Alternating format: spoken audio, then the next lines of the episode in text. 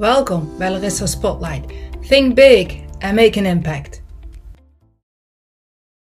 Ja, hallo, ik ben er. Hi, Hey Patrick. Hey, goed je te zien.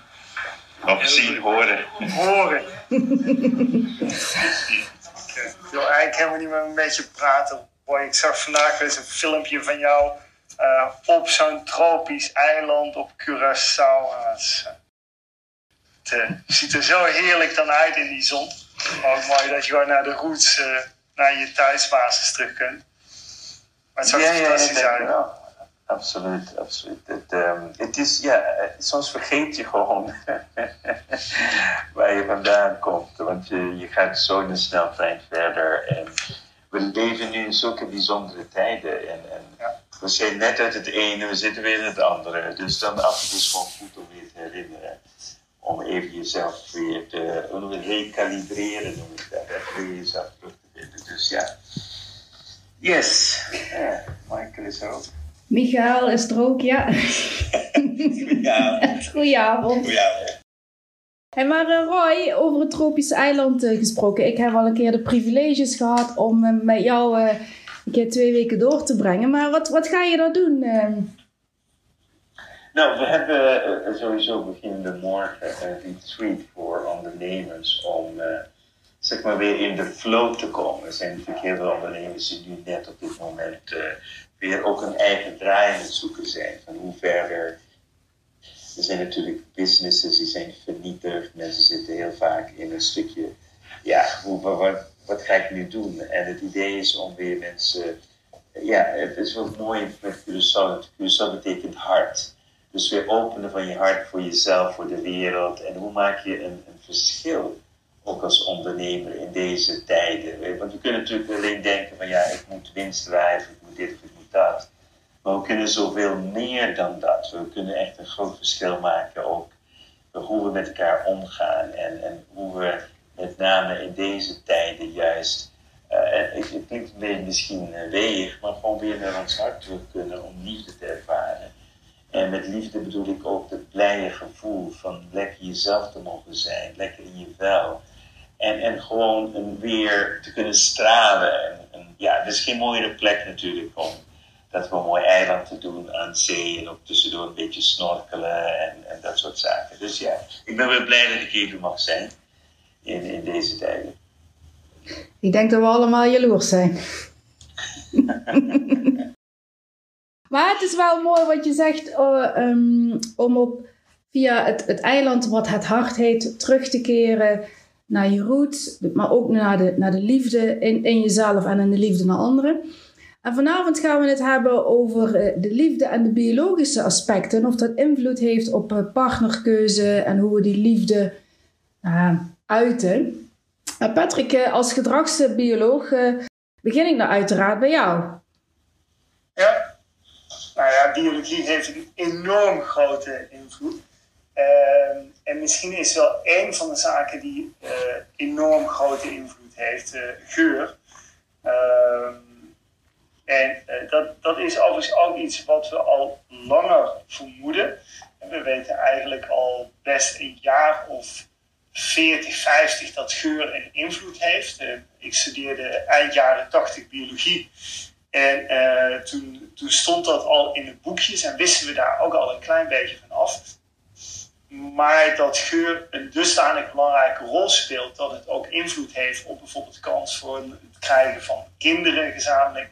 Ja, dat is bijvoorbeeld kennis die pas de laatste 15 jaar in de aandacht is gekomen. Dus geur heeft een waanzinnige grote invloed. Uh, maar het heeft ook echt wel consequenties als de geur niet klopt. Dus uh, ja, aan elkaar snuffelen is wel belangrijk.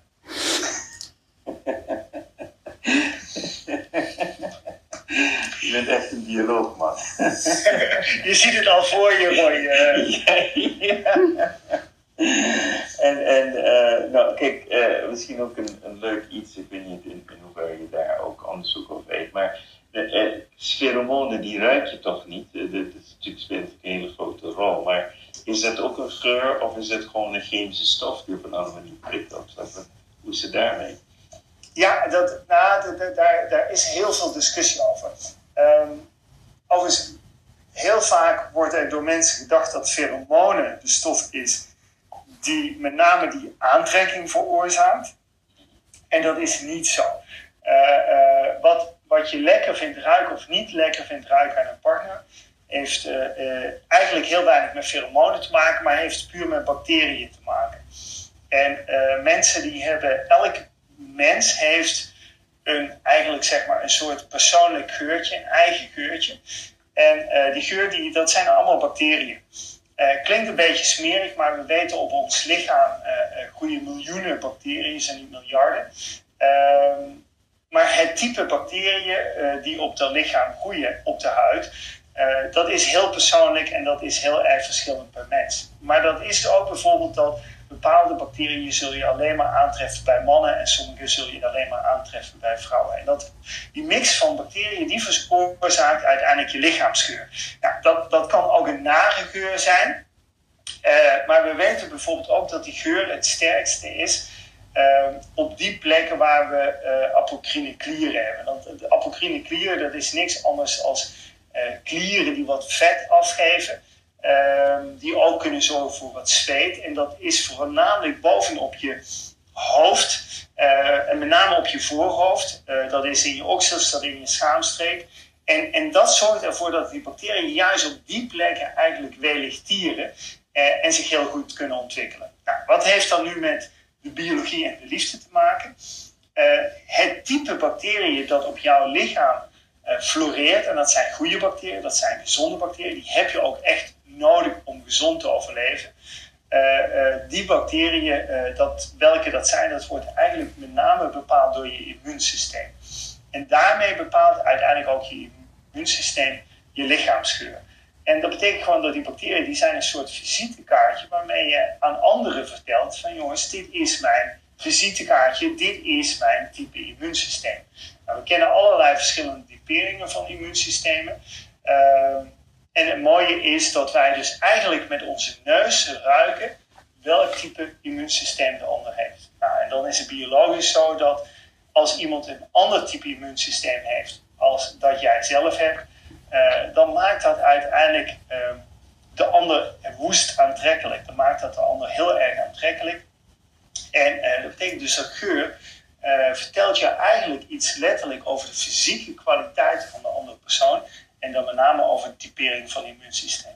Ja, en als de ander maar net een beetje anders is, dan vinden we dat lekker. En dat is echt zeg maar wat je ruikt, wat je waarneemt. Als je het hebt over pheromonen.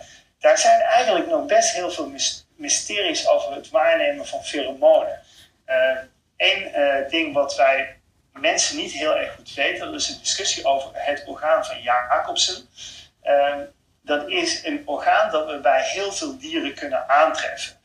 Uh, dat is een orgaan waar dieren mee kunnen ruiken, maar op een iets andere manier ruiken als dat wij met de neus doen. En er is heel veel discussie in de wetenschap. Hebben mensen ook dat orgaan van Jacobson of hebben ze dat niet? Nou, de meeste wetenschappers zeggen tegenwoordig van nou, het lijkt erop dat wij mensen dat ook hebben. En dat, dat is een regio heel hoog in de neus. Um, ook wel dicht verbonden met het gehemelte van mensen. En het lijkt erop dat wij ook via dat orgaan van Jacobson kunnen ruiken. En dat is uiteindelijk waar we pheromonen ook vooral waarnemen. Alleen het nadeel is, dat is niet, en daar heb je een punt, Roy, wat je net al zei. Ja, pheromonen hebben niet een bepaalde geur. En je denkt niet, hmm, hè, dat is een lekkere zoete geur, dat is pheromoon X of dat is pheromoon Y. Maar we nemen ze wel waar. En het grappige is dat we dus eigenlijk nog niet heel erg goed weten waar we dat pheromoon dan waarnemen en hoe dat proces in de hersenen werkt. Dus dat is gewoon een beetje mysterie. Wauw, ik uh, vind het heel spannend. Uh, ik zit weer, weer echt uh, gehypnotiseerd te luisteren. Denk weer terug aan de biologieklas in, op de middelbare school. Dus dank je wel daarvoor. En ik vind het fantastisch hoe je dit ook uitlegt. En tegelijkertijd zit natuurlijk ook in een tijd waar we mensen zien rondlopen in chemische wolken. En natuurlijk is dat ook weer ik had vandaag iemand op, op visite en ik heb haar een huk gegeven. En het is zeker een uur bij mij blijven hangen. En daar kan ik zelf niet zo goed tegen, tegen die, die uh, zeg maar chemische geur die dan uh, uh, meekomt met iemand die zich op die manier dus zeg maar doet. En maar toch schijnt dat wel een effect te hebben. Ik denk ook dat er mensen zijn die juist met name aangetrokken worden door chemische kleuren of uh, ja, zo, ik noem het een toxische heen. Maar is daar ook onderzoek over gedaan of is dat gewoon. Ja. Uh, nee, daar, daar, daar, is heel veel onderzoek uh, naar gedaan. Er zijn een paar factoren die natuurlijk de, de geurwaarneming ja, maskeren. En, en eentje dat is nou ja, precies wat je zegt. mensen die zich nou ja, omringen met een hele sterke wolk aan allerlei parfumgeuren. en dat heeft invloed. Uh, dat heeft overigens geen invloed op de waarneming van pheromonen, want dat, dat zijn echt verschillende kanalen.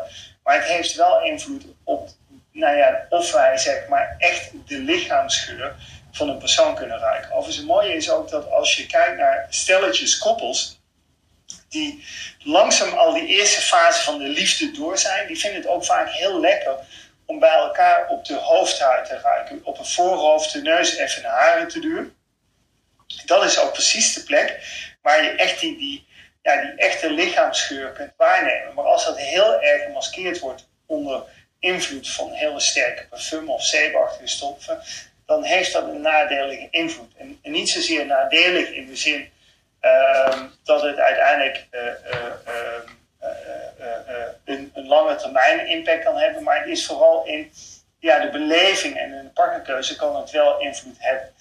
Eh, een tweede factor die ook invloed heeft, en daar weten we iets meer van, dat is onder andere medicijnengebruik, maar ook bijvoorbeeld anticonceptiegebruik. En we weten dat de lichaamsgeur van vrouwen verandert door het gebruik van anticonceptie.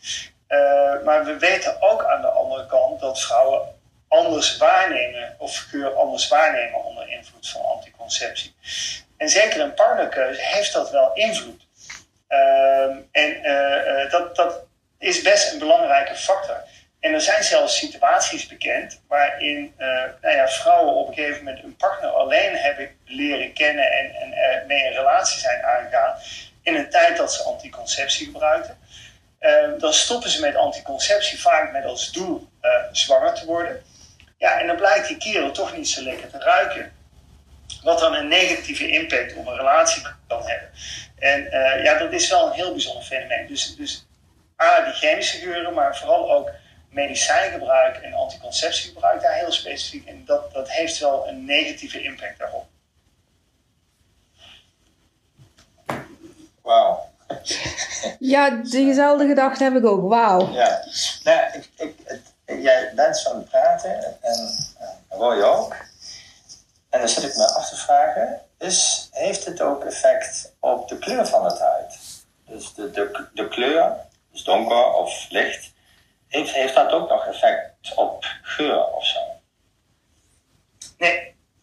Um, dat, dat, daar is ook onderzoek naar gedaan. Um, en uh, dat blijkt geen, uh, geen effect te hebben. En uh, je zou misschien wel kunnen veronderstellen. Wat wel effect heeft. Ehm, en dat lijkt er een beetje mee gekoppeld te zijn. Ehm, iets heel specifieker, dan ga ik een, een, stap verder in detail. Wij mensen hebben het HLA, eh, dat heet het humaan leukocyte antigen. Um, of antigeen moet ik zeggen. En uh, dat, dat kennen mensen misschien wel. dat, dat is een stukje DNA-materiaal. En dat stukje DNA-materiaal dat wordt onder andere geanalyseerd als je een uh, orgaandonatie doet. Overigens ook als je bijvoorbeeld uh, uh, bepaalde vormen, tegenwoordig vroeger kennen we bloedgroepen A, B en weet ik wat allemaal. Nou, dat kun je wat verder analyseren en dan kom je op het HLA. En het HLA dat vertelt iets over dat immuunsysteem. Maar dat is ook precies het stukje immuunsysteem waarmee het bepalend is voor je geur. En ehm, er zijn eigenlijk op nou ja, in dat stukje DNA kun je ongeveer zes van die regio's aanduiden. Die hebben allemaal een andere naam. En als je die analyseert, dan kun je er allerlei typeringen uithalen. En uh, zo heb je heel verschillende typeringen op één zo'n stukje. Nou, niet, niet te complex te gaan maken. Um, maar wat je bijvoorbeeld ziet, is dat bepaalde typeringen bij bepaalde bevolkingsgroepen vaker voorkomen als bij andere bevolkingsgroepen. Um, en dat betekent dus dat je bijvoorbeeld die HLA-typering met iemand bijvoorbeeld met een donkere huidskleur heel anders kan zijn in doorsnee als iemand bij, met een hele lichte huidskleur. Maar dat heeft dan eigenlijk niks te maken heel specifiek met de huidskleur. maar dat heeft eigenlijk veel meer te maken met nou, letterlijk de historische achtergrond. Waar kom je vandaan? als je, nou ja, Roy zit nu op uh, Curaçao, daar is hij geboren. En als je alle mensen in, op Curaçao zou gaan analyseren, mensen die daar opgegroeid en geboren zijn, en je zou daar bijvoorbeeld HLA-typeringen gaan bekijken, dan zul je heel vaak zien dat er een aantal variaties voorbij komen die heel dominant op Curaçao aanwezig zijn. Uh, zou je dat in een andere regio doen, dan zou je daar hele andere, hele dominante typeringen tegenkomen. En dat geldt eigenlijk voor alle regio's in de wereld. Dus je zou misschien kunnen zeggen, het hangt wel mee, samen met nou ja, ook het type huid wat je hebt. Uh, maar dat is eigenlijk een soort indirect effect, omdat vaak zeg maar regionaal uh, er bepaalde typeringen regelmatig en veel voorkomen. Dus dat, dat is een beetje zij-effect. Overigens, als je kijkt naar orgaantransplantatie, om een verhaal helemaal duidelijk te maken, dan zoekt men eigenlijk altijd naar mensen met exact hetzelfde HLA. Want ja, dan vindt er geen afstoot van organen plaats. Als je kijkt naar partnerkeuze, dan zoeken we juist iemand met een tegenovergesteld HLA. En dat kunnen we dus ruiken. Dat is biologisch een heel mooi mechanisme. Is ook bijvoorbeeld een mechanisme dat inteelt voorkomt. Omdat we mensen waarvan we heel nauw verwant zijn, uh, die vinden we uh, leuk, die vinden we aardig, maar vaak niet heel erg aantrekkelijk. En dan speelt ook die geur een rol. En dat is gewoon een biologisch mechanisme tegen inteelt. Even een, een, vraagje, want um, ja, als wij zouden geloven in meer spirituele, van je zou van iedereen moeten houden, het zijn allemaal broers en zussen, komen allemaal van dezelfde bron dan hebben we toch een biologie gekregen waar het dus niet in opgaat. Nu wordt het een stuk complexer. Zo gek wat ik bedoel. Dus kunnen we wel van iedereen houden dan als de biologie zo'n grote impact heeft? Dat is een, dat vind ik een interessante vraag. En ik weet niet of, Patrick, wat je, hoe je daarover denkt, maar ja. Eh, laat, laat, ik het heel biologisch beantwoorden. Uh, ik denk dat we van iedereen kunnen houden. Uh, dat bewijst het ook heel vaak, maar we kunnen niet met iedereen nageslacht verwerken. En dat bewijst de praktijk ook.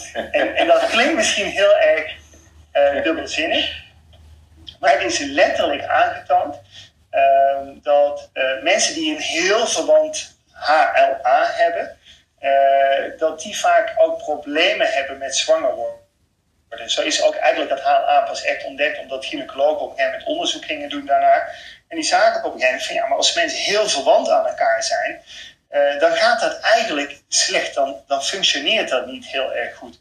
En toen ontdekten ze dat dat vaak zat dat in de verwantschap van dat stukje DNA, wat dus ook invloed heeft op onze geur.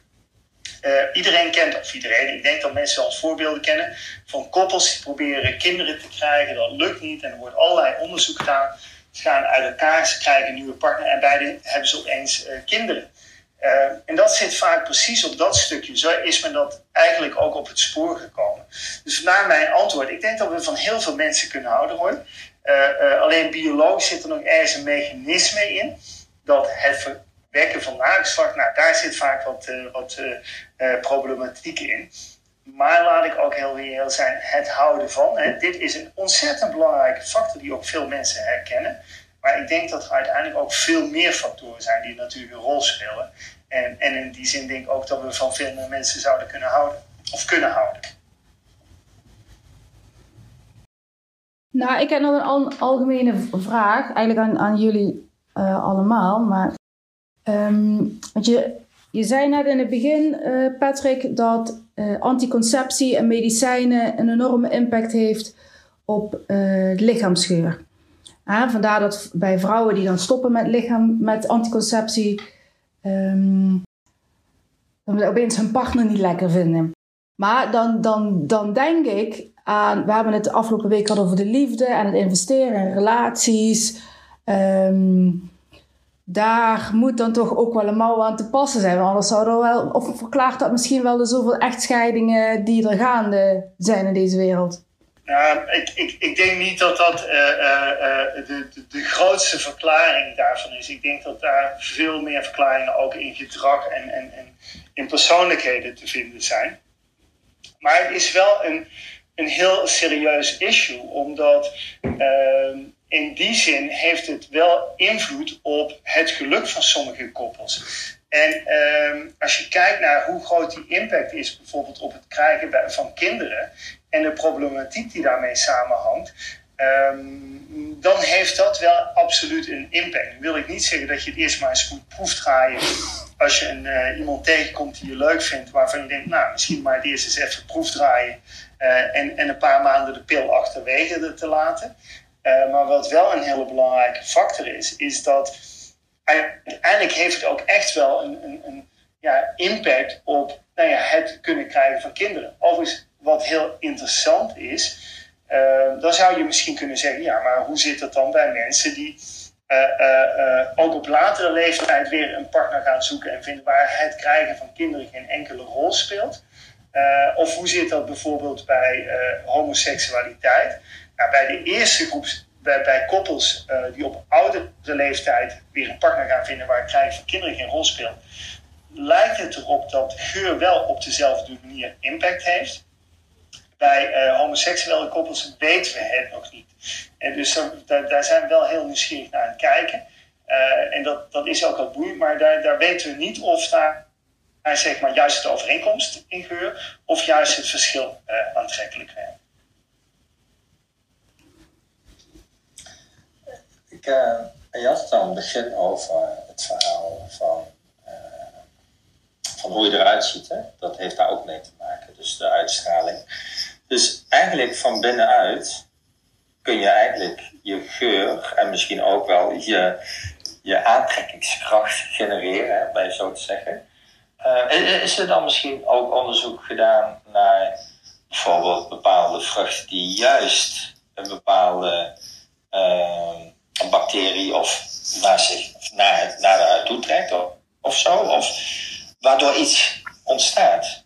Begrijp je wat ik bedoel? Ja, ja, ja. Um, nou, we weten dat zeg maar, bepaald voedsel, uh, uh, uh, bepaalde middelen, maar heel veel nou ja, dingen die wij in het dagelijks leven gebruiken, en voedsel is daar een ontzettend belangrijke factor in, hebben uiteindelijk invloed op onze geur het idiote is, en uh, kijk, we, doen altijd over mensen alsof we een beetje uh, sukkelige wezens zijn in de natuur. maar wij hebben een ontzettend geraffineerd geurapparaat. Ehm, het nadeel is, is dat we vaak niet heel erg goed weten hoe het functioneert. Wat we wel weten is dat als wij in een laboratorium kijken, in een laboratorium kunnen we geuren heel makkelijk analyseren, of makkelijk, maar dat, dat, die kunnen we analyseren. En het blijkt dat wij mensen hebben ongeveer 48 geurelementen uh, die uniek zijn per persoon. En die geurelementen spelen dus ook in die partnerkeuze een belangrijke rol. Um, het nadeel, of niet een nadeel, het gegeven is dat dat is maar een kleine component, die 48 is maar een kleine component van datgene wat andere mensen ruiken. Roy noemde ze straks al sterke parfum, dat, dat, is een heel ander uh, uh, gegeven. Um, maar het blijkt dat die, die 48 componenten zijn vaak heel stabiel en heel weinig te beïnvloeden uh, door middel van bijvoorbeeld voedsel. Um, het andere gegeven is dat je wel die geur van je lichaam kunt beïnvloeden. Uh, maar blijkbaar is onze neus, maar ook ons brein zo goed ingesteld dat wij toch daardoor heen prikken. En eigenlijk die, die oergeur, dat wij die toch heel netjes opsnuffelen. dus ja, het kan, maar het heeft heel weinig invloed op partnerkeuze. Ik vind het wel heel bizar hoor, dat die geuren dat die zo belangrijk zijn. Dat wij daar zo geraffineerd zijn. Maar stel, eh, ik wil meer aantrekken, dan kan ik misschien drie extra appeltjes eten op een dag. Zoiets.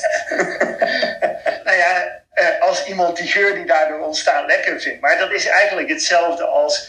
Uh, um, ook het gebruik van, van, van parfum heeft eigenlijk een vergelijkbaar effect. Alleen uh, een nadeel is natuurlijk altijd, uh, weet je dan uiteindelijk wat de ander heel erg aantrekkelijk vindt en wat een ander heel erg aantrekkelijk vindt om, uh, om aan te snuffelen. Overigens, die, die geurcomponenten, dat, dat klinkt als heel veel 48, maar als je van neuzen hebt, hè, met mensen die beroepsmatig hun neus gebruiken. Dus bijvoorbeeld om parfum samen te stellen, om wijn uh, uh, te ruiken. Dat zijn vaak mensen die ook ontzettend veel. Hè, ja, als ik iets ruik, dan kan ik misschien vier vijf kenmerken opnoemen. Maar dat zijn vaak mensen die soms wel 10, 20 kenmerken in een parfum opnoemen. en dan ook heel fijn die parfum kunnen bijstellen. Wat eigenlijk die mensen hebben geleerd, is een neus op dusdanige manier te gebruiken, zoals we dat in een laboratorium doen. En al die verschillende kenmerken van een geur te analyseren. Wij kunnen dat als mens ook, alleen dat doen we blijkbaar op een geautomatiseerde manier in ons brein en zijn ons daar niet bewust van. Dus ja, je kunt geur beïnvloeden, maar je moet wel heel erg haarfijn weten wat de impact van die geur is. Uh, op degene die je wil aantrekken. Want pas maar op, Roy, voordat je weet, uh, trek je dadelijk, of Roy uh, Michel, pas maar op, dadelijk trek je de verkeerde vrouwen aan. Of mannen, hè? Of mannen. kan ook. Ja, bijzonder. Ik vind het, ik vind het echt bijzonder. Ja, wat wel grappig is, de, de, toen dit bekend werd, dat geur zo'n belangrijke rol speelde in de jaren 70, 80, werd er heel veel t-shirt onderzoek gedaan. Um, en het leuke daarvan is dat wij dat ook nog steeds doen in het programma Married at First Sight. Alleen dat is heel erg onbetrouwbaar, want mensen krijgen een soort instructie van hoe een t-shirt te dragen en het vervolgens te bewaren. En, en, en nou, er zitten allerlei instructies aan. En je, je weet gewoon dat mensen dat niet altijd 100% goed opvolgen. Dus een test is redelijk onbetrouwbaar. Um, en, en dan heb je ook nog eens de invloed van vrouwen die anticonceptie gebruiken. Maar het grappige is dat als de instructies wel goed werden gevolgd, dat we heel vaak exact ook de laboratoriagegevens van het HLA, dus dat stukje immuunsysteem, het stukje DNA, konden we haar fijn leggen naast datgene wat uh, uh, mannen en vrouwen uit de geurpotten halen. En geurpotten is dus letterlijk, je stopt een t-shirt in een pot, je zorgt dat die pot op 36, 37 graden is. Uh, men mag aan die pot ruiken en vervolgens mag men beoordelen of men dat t-shirt lekker vindt ruiken of dat men het vindt stinken. En dan is het ook heel grappig dat de, de, ene vrouw of de ene man die vindt het t-shirt walgelijk, terwijl de andere uh, die daarna eraan ruikt, die vindt het gewoon heerlijk. En het grappige als je dan DNA naast elkaar legt, dan kun je dat eigenlijk wel voorspellen hoe die test gaat verlopen. Dus het is ook wel iets wat je heel mooi uh, kunt uh, nou ja, simuleren en nabootsen. Zowel in het laboratorium, maar ook gewoon in een proefopstelling met echte mensen en echte t-shirts.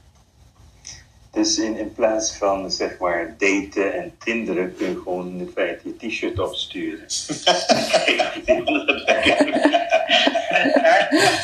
ik, ik, ga je nu een, een geheim verklappen, Roy. Uh, wij, wij, zitten hier een beetje sukkelig bij elkaar. Maar er zijn mensen godsgruwelijk rijk geworden met dit concept.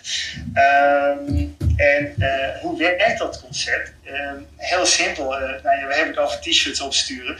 Maar die mensen doen het gewoon anders. Die, die laten dat soort analyses in een laboratorium doen. Hè, want dat is veel betrouwbaarder. En er zijn een aantal bedrijven in de wereld. Uh, dat zijn er eigenlijk niet zo heel erg veel. Dat zijn een stuk of drie, vier. Um, die doen dit fulltime. die, die, die beoordelen DNA stalen DNA-stalen van potentiële partners. En waarom wordt dat zoveel gedaan? Dat lijkt voor ons in, in de westerse wereld wat, nou ja, wat, wat minder gangbaar. Maar er zijn heel veel landen waar gearrangeerde huwelijken zijn. En uh, om, om, de kans van zo'n gearrangeerd huwelijk te vergroten, laten dan vaak de ouders of degene die het uh, arrangement opzetten, die laten dan DNA-stalen analyseren om te kijken of ook de geur klopt. En daarmee ook een stukje DNA klopt. Wat uiteindelijk natuurlijk ook een vergrotende kans is voor het verkrijgen van uh, uh, kinderen van nageslacht. En dat is bijvoorbeeld, dit is ontzettend populair uh, om dit te doen, zo'n DNA-analyse in landen als Israël, maar ook Japan is een enorm grote markt. India is een groeiende markt daarvoor. Dus er zijn gewoon bedrijven die dit de hele dag zitten te doen. Uh, uh, dan krijg je thuis een paar van die staafjes opgestuurd, van die swaps. Die moeten dan niet in de neus, maar die moeten gewoon langs het wangslijm worden gehaald. Die gaan in een buisje worden opgestuurd naar een laboratorium. En dan krijg je een paar weken later te horen of het geurtechnisch en DNA-technisch een goede match is of geen goede match is. en daar betaal je dan een behoorlijk bedrag voor. Volgens mij is het niet spiritueel. Deze wijze. Maar een vraagje, hè? Als je nou praat over uh, alcohol. Alcohol heeft invloed op ons. Ja. Uh, biologisch aspect dan. Ehm, dat kan natuurlijk ook bij de een dan weer afwijzend werken. Of juist aantrekkelijk werken. Is daar onderzoek naar gedaan? Al invloed van alcohol? Nee. Nee, dat, ik moet heel eerlijk zeggen, wat je ziet is dat er is, uh, tenminste misschien is er wel onderzoek naar gedaan, uh, maar ben ik me er niet van bewust. Wat je wel ziet, er is heel veel onderzoek gedaan naar medicijngebruik. Um, en en dat, dat is ook wel logisch, omdat dat vaak ook uh, nou ja, een meer acceptabel onderzoekkanaal is. En je kunt mensen makkelijker vragen of ze medicijnen gebruiken en vervolgens ook gaan kijken wat de invloed daarvan is.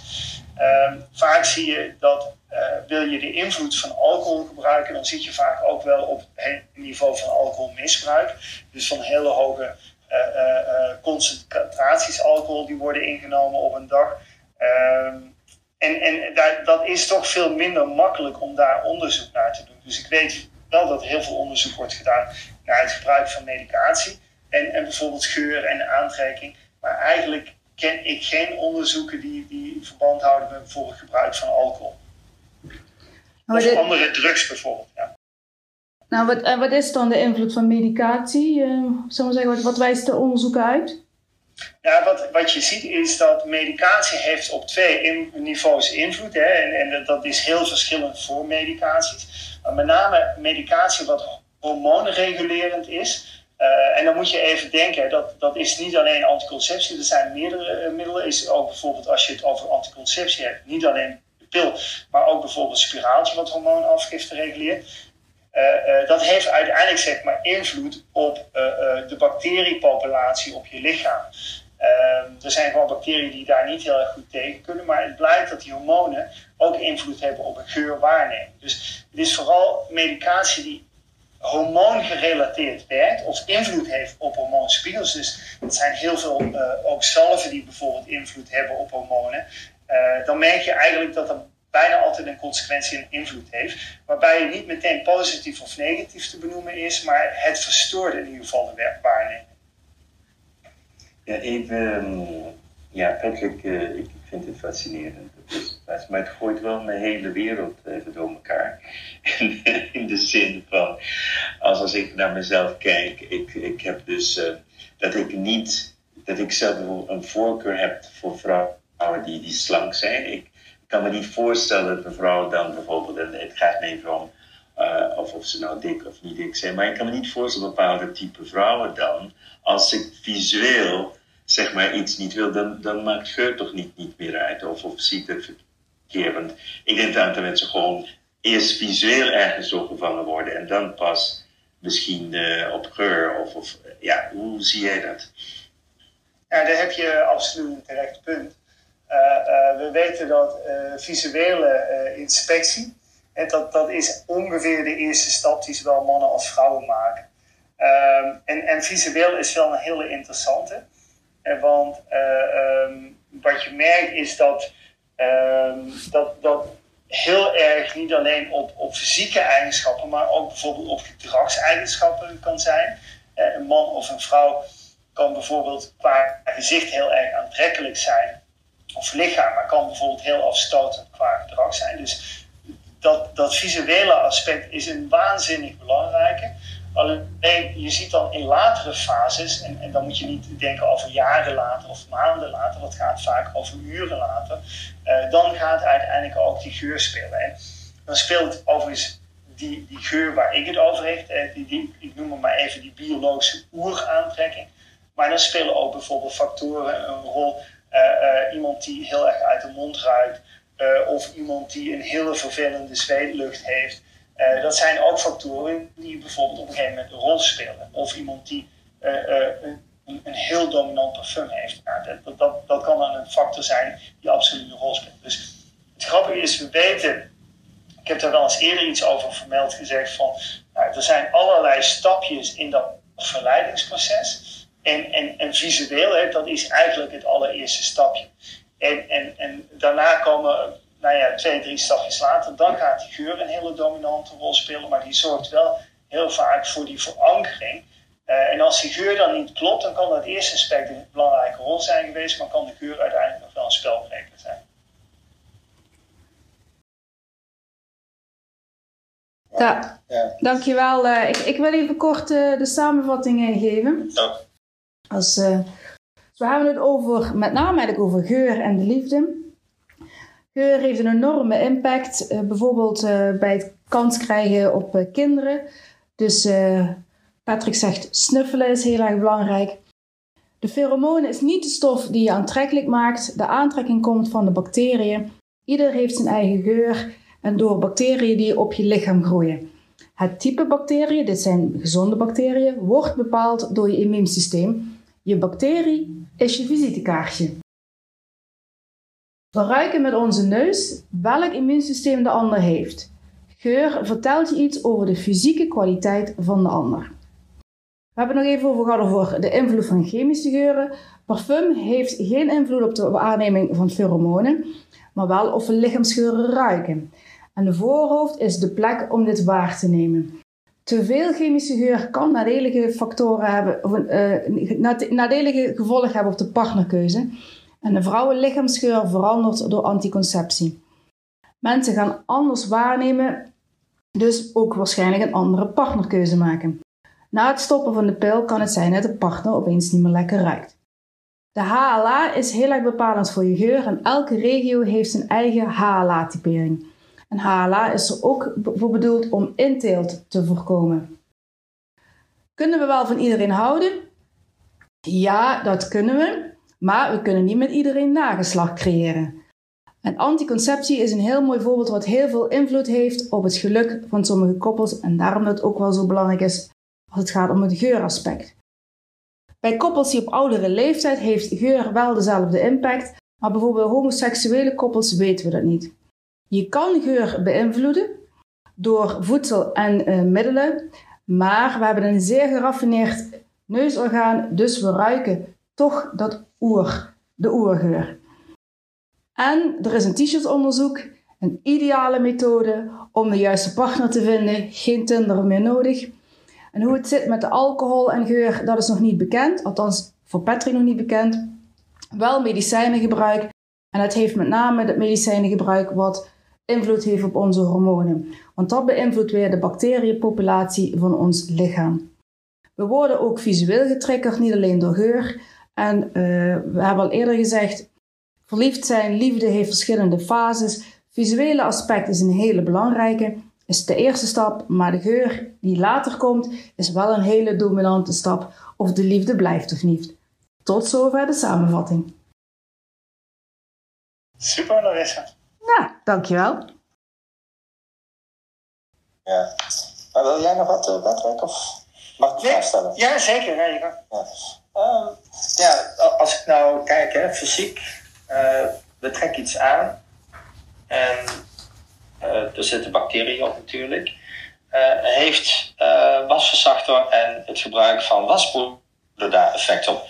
Als je de verkeerde gebruikt op je huid, krijg je misschien een heel ander effect dan als je de juiste gebruikt. Wat is dan het juiste middel wat we moeten gebruiken? En je hebt daar een heel goed punt in, in onderzoeken met t-shirts die we doen. zeggen we ook altijd heel duidelijk van een t-shirt mag niet gewassen zijn in een of andere geurversterkende of verlandende wasverzachter naspoelen met schoon water redelijk frequent. Ehm, ja, dat, heeft uiteindelijk wel invloed. Maar het, het, mooie is wel, en dat is waarschijnlijk ook waarom we bijvoorbeeld heel erg sterk op dat hoofdruiken, waar natuurlijk ook shampoo et cetera invloed heeft. Maar het grappige is dat dat wel een plek is waar we op een redelijk veilige manier, een niet gênante manier, de geur, de lichaamsgeur kunnen opsnuffelen. Dus we hebben ook gedragsmatig daar wel een aanpassing voor gevonden. Overigens, het grappige is, als je uh, moeders en vaders met kinderen observeert, uh, moet je maar eens kijken waar die heel graag een neus duwen bij een baby. Uh, dat is ook op dat voorhoofd, in die haartjes. Omdat dat eigenlijk de plek is wat een soort oermechanisme vormt. Waar we dus letterlijk ruiken wat, wat eigenlijk de familiegeur is. Wat de oergeur is van een baby of van een kind. Dus gedragsmatig hebben we dat een beetje omzeild door vooral op dat soort plekken te ruiken waar die waspoeder, wasmiddel wat minder een rol speelt. Maar het heeft wel effect, dat is absoluut een gegeven. Ja, ik valt nog een kwartje. Dat is een vraag. Uh, uh, nou, ik denk dat jullie, jullie zijn allebei, jullie hebben allebei een partner. Um, kan het zijn dat je na loop van tijd dat je dat veel meer accepteert, dat het dan misschien verandert daardoor? Of blijft het hetzelfde of accepteer je het gewoon? Nou, wat, tenminste, als ik even voor mijzelf spreek. Ik vind mijn vrouw overigens nog steeds lekker ruiken, dus uh, daar, daar is niks aan veranderd. Heel fijn, heel fijn. Ja, dat, uh, dat is wel een opluchting. Uh, ik heb overigens nooit ons DNA laten onderzoeken. Eigenlijk moet ik dat toch maar eens gaan doen. Ehm, maar de, kijk, wat er gebeurt in relaties, en ik weet niet hoe Roy dat ervaart, maar er gaan natuurlijk veel meer mechanismen een rol spelen. En, en geur is een ontzettend cruciale die vooral in de fase van verliefdheid, de binding en de verankering een hele grote rol speelt. Maar daarnaast gaan ook een heleboel andere mechanismen een, een rol spelen. Uh, die ook zorgen voor die verankering van uh, een relatie van de liefde. En, en, geur is ontzettend cruciaal, maar je zult vervolgens ook zien dat het elkaar kennen, geschiedenis met elkaar delen, ervaringen met elkaar delen, ook, uiteindelijk elementen zijn die heel belangrijk worden in een relatie. Ja, voor mezelf uh, en ook uh, is, is geur enorm belangrijk. Ik, uh, het is wel grappig dat ik me nu realiseer dat ik nog steeds enorm van die geur van mijn vrouw ruik en ook heel vaak in de nek aan het ruiken ben, nog niet het voorop. Dus dat is de volgende stap. Even kijken daar. En, en, maar aan de andere kant is natuurlijk de hele evolutie. Ik denk dat natuurlijk de biologische aspecten de fundering zijn, zodat je daarop kunt gaan bouwen. Dus je hebt nu zeg maar een type gevonden dat het met elkaar resoneert. Wat daarna gebeurt, de manier hoe je communiceert, de manier hoe je deelt met elkaar, of je wel of niet veilig voelt in een relatie, of je je kwetsbaar durft op te stellen of je wel volledig jezelf kunt laten zien en al dat soort zaken. Ik denk dus dat we eenmaal over die biologische brug heen zijn, dat dan ook die andere aspecten, als je zegt Patrick, eh, toch een hele grote rol gaan inspelen. Dus misschien is dit, de hele biologie ook voor het eerste stuk misschien het allerbelangrijkste, voor de partnerkeuze en waarschijnlijk ook het nageslacht. Maar daarna komen er echt hele andere aspecten naar boven, waardoor het of bij elkaar blijft of niet gaat werken, of enorm veel frustratie en pijn en lijden creëert. Dus ja, dat, dat merk ik zeker ook, ook bij mijn, mijn, zeg maar, mijn klanten, die, die problemen met de relatie, dat het heel vaak communicatieproblemen zijn en, en dat soort zaken. En dan kun je lekker ruiken, denk ik, maar dat, dan blijft dat niet meer wat het cement is wat het bij elkaar houdt. Overigens, wat, wat daar natuurlijk ook een hele grote rol in speelt, Roy, is dat als je kijkt biologisch en vooral de biologische drijfveren van een relatie, um, die zijn een klein beetje anders dan zoals wij de, de, nou ja, de, de, de culturele, de morele, de, de, de, de drijfveren zoals wij die vandaag de dag in een relatie zien. En biologisch is het natuurlijk heel erg gericht door verwekken van nageslacht en vooral gezond nageslacht. En dan is het ook belangrijk dat dat DNA uh, uh, op een hele goede manier matcht. Hè, want je wil uiteindelijk ook gezond nageslacht verwekken. Maar je ziet dat biologisch gezien relaties een veel kortere tijdsdoorloop hebben dan wat wij vandaag de dag in de maatschappij of wat wij vandaag de dag cultureel heel erg belangrijk vinden in relaties. Dus biologisch gezien is het niet zo dat we gericht zijn op slippertjes. Maar biologisch zijn we wel eigenlijk, merk je dat de natuur, die oerdrift, is eigenlijk veel meer gericht op uh, het creëren van een relatie, het verwekken van nageslacht. Een stabiele relatie voor de eerste drie, vier jaar om ervoor te zorgen dat nageslacht ook veilig oud wordt. En daarna gaan we weer verder kijken. En dat, dat is natuurlijk iets wat maatschappelijk de culturele impact van ons gedrag kijkt er natuurlijk heel anders tegenaan. Dus daar zit ook wel een belangrijk verschil. Ik trouwens, vanuit het publiek uh, is een vraag gesteld. Uh, zij wil graag naar boven komen en hij mag op rek blijven staan. Ik weet niet wat jij ervan vindt, Larissa. Ja, nee, ja, dat is prima, maar die had ik nog niet gezien. Ik was, komt ze er nu aan? Larissa? Ja. Ah, kijk. Ja, ze komt eraan. Goedenavond. Goedenavond. Hi. Hey. hey um, ik had een, uh, een ontzettend mooi en interessant uh, gesprek en, uh, over een stukje liefde en geur. ik hoorde jullie net ook, en daar ging ik even op aan, over hè, ouders die snuffelen in de nekken of plekken van hun kinderen. Ehm, en daar ging ik helemaal op aan. wij hebben een dochter van negen met een ernstige meervoudige beperking. Um, zij is onder andere doof en blind. En dan komen we op het stukje geur. Men vraagt heel vaak aan ons: hoe kan het nou dat ze jullie herkent? En uh, wij merken heel sterk dat zij donders goed weet, hè, want hè, dat vermoeden heb ik altijd ook al gehad. Omdat mijn man en ik onze eigen geur en ieder heeft zijn eigen geur met zich meebrengt, dat zij donders goed weet al vanaf geboorte aan dat wij haar uh, ouders zijn. En op die manier, door, ook door onze aanraking, onze manier van communiceren met, met onze dochter, uh, dat zij uh, weet dat wij haar ouders zijn. Dus was een, mijn toevoeging ook even. En misschien ook interessant om daar te weten als het ook over DNA gaat, is dat uh, wij inmiddels ook weten dat mijn man en ik allebei drager zijn van een bepaald gen. En wij hebben dat gen allebei doorgegeven aan onze dochter, waardoor zij dus uh, ja, ernstige meervoudige beperking heeft. Misschien wel uh, aardig om, om, uh, om daar weer op aan te vullen, want ik vind het heel mooi dat je dit inbrengt, Sarah, is dat wij onderschatten heel vaak eigenlijk het geurvermogen en het functioneren van een neus van een mens. En ehm, wat, wat je eigenlijk hoort en, en, en terugkrijgt van mensen die uh, waarbij één van de zintuigen anders of minder of, uh, functioneert, dat eigenlijk de andere zintuigen dat heel erg goed kunnen compenseren. En pas op dat moment, als één van de zintuigen minder functioneert, merk je dat mensen de, de volle potentie van het zintuig wel, wel goed functioneert, eigenlijk gaan benutten. En, en geur is in die zin, ja, mensen kunnen waanzinnig veel met geur, dat kun je ook trainen.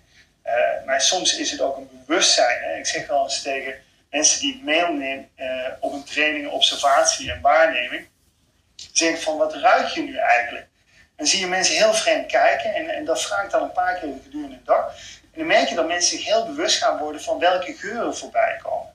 En uh, ja, ik, ik ben er absoluut van overtuigd, maar we weten ook dat we kunnen familiegeuren, dus dat zij jouw geur en dat van je man kan ruiken, ja, dat, dat is eigenlijk biologisch gezien heel erg logisch. Maar je merkt dat wij dat vaak toch wonderbaarlijk vinden, dat ons geurvermogen zo goed ontwikkeld is. Overigens, wat je benoemde, ik weet niet welke kennis specifiek is, maar heel vaak zie je dat uh, uh, het onderzoek naar geur dit soort genen niet meeneemt. Dat is ook wel een beetje het risico wat ik vind bij dat soort laboratoria die commercieel testen aanbieden. Hè, dus om te kijken of het een goede liefdesmatch is dat sommige mensen denken van ja, maar dan, dan sluit ik ook een aantal risico's uit. En dat is niet zo. Want dit soort onderzoeken, dit soort laboratoria kijken eigenlijk maar een heel klein specifiek stukje gen dat iets zegt over de lichaamsgeur. En dat kijkt dus niet naar andere genen. Maar uh, uh, ja, biologisch kan natuurlijk wel gebeuren dat de geur fantastisch matcht, maar dat andere genen gematcht worden die uh, misschien negatieve consequenties hebben. ja, dat heeft de biologie helaas niet altijd voorzien. Dankjewel. Nee, het is een, een zeer, zeer, zeer, zeer zeldzame afwijking op een gen wat weinig mensen, of eigenlijk bijna niemand wat zegt. Er zijn ook maar 50 over de hele wereld nu toe mee bekend met deze afwijking. Dus vandaar. Dat zegt iets over het bijzondere functioneren van ons DNA af en toe. Dus, uh, Precies. En de complexiteit. Ja. Precies.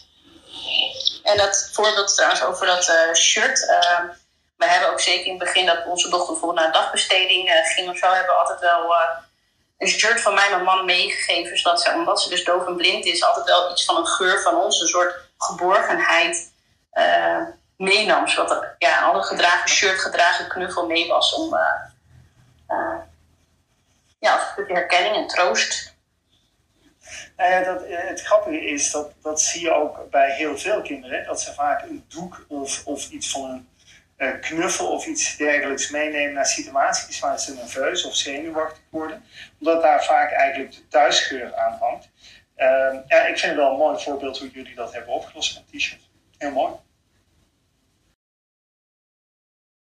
Dankjewel Sarah voor deze mooie aanvulling en hoe belangrijk geur is in jullie gezin. Met een heel mooi voorbeeld. Graag gedaan. Hebben de heren of Sarah nog andere vragen? Anders uh, ga ik hem langzaam afsluiten met uh, ja. vertel. Ja. Eentje vanuit het publiek. Een mooie. Ik denk voor Patrick. Um, beschadigt het gebruik van chemische middelen via de neus uiteindelijk de geuren? Ja, um, daar, daar wordt heel veel onderzoek naar gedaan. En dan kom je op een paar elementen uit. Geur is iets wat. Um, en vooral ook het functioneren van de neus is een hele grote uh, uh, uh, factor. en ook een hele complexe. We ruiken op heel veel verschillende plekken in onze neus. dat is ook wat ik ze straks noem, bijvoorbeeld het orgaan van Jacobsen, waarvan we eigenlijk nog steeds niet heel erg goed weten hoe dat functioneert. Maar dat bijvoorbeeld wel een rol speelt in het waarnemen van bijvoorbeeld pheromonen naar alle waarschijnlijkheid.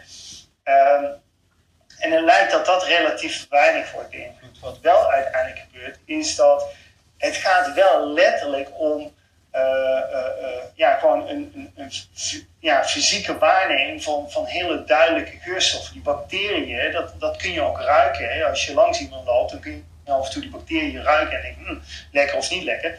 Ja, en dat wordt eigenlijk, uh, ik geef een heel lang antwoord op iets wat heel simpel beantwoord kan worden. Ja, dat, dat heeft invloed. Op het moment dat je geursensoren en de zenuwen uiteindelijk die uh, rol spelen in geurwaarneming beschadigd worden, heeft dat absoluut een, uh, een impact. Dat, dat kun je vergelijken met bijvoorbeeld ook die hormonen. Dat werkt wel heel anders, hè, dat functioneert heel anders, maar het heeft absoluut een impact. Ja. Nou, dankjewel. Ja. ja. Zal ik nog eentje, uh, uh, ja, nu ga ik wel heel erg collegeachtig, ik wil toch nog, toch nog één keer terugkomen op de pheromonen van Roy.